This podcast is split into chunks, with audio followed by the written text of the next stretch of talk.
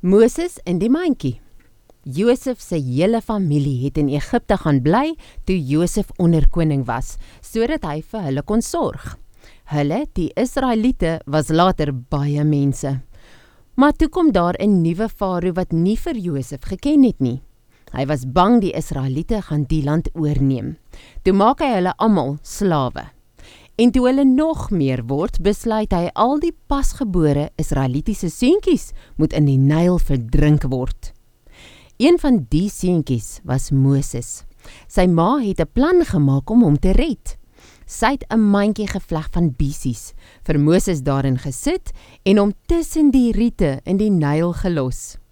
Haar dogter Miriam het daar naby weggekruip om seker te maak niks gaan verkeerd met haar boetie nie.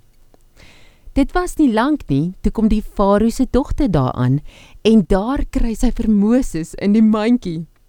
Net toe kom Miriam nader en vra: "Kan ek vir u 'n Israelitiese vrou gaan soek wat die baba kan laat drink?" So het dit gekom dat Moses by sy eie ouers groot geword het. Later is hy na die paleis om by die prinses te woon.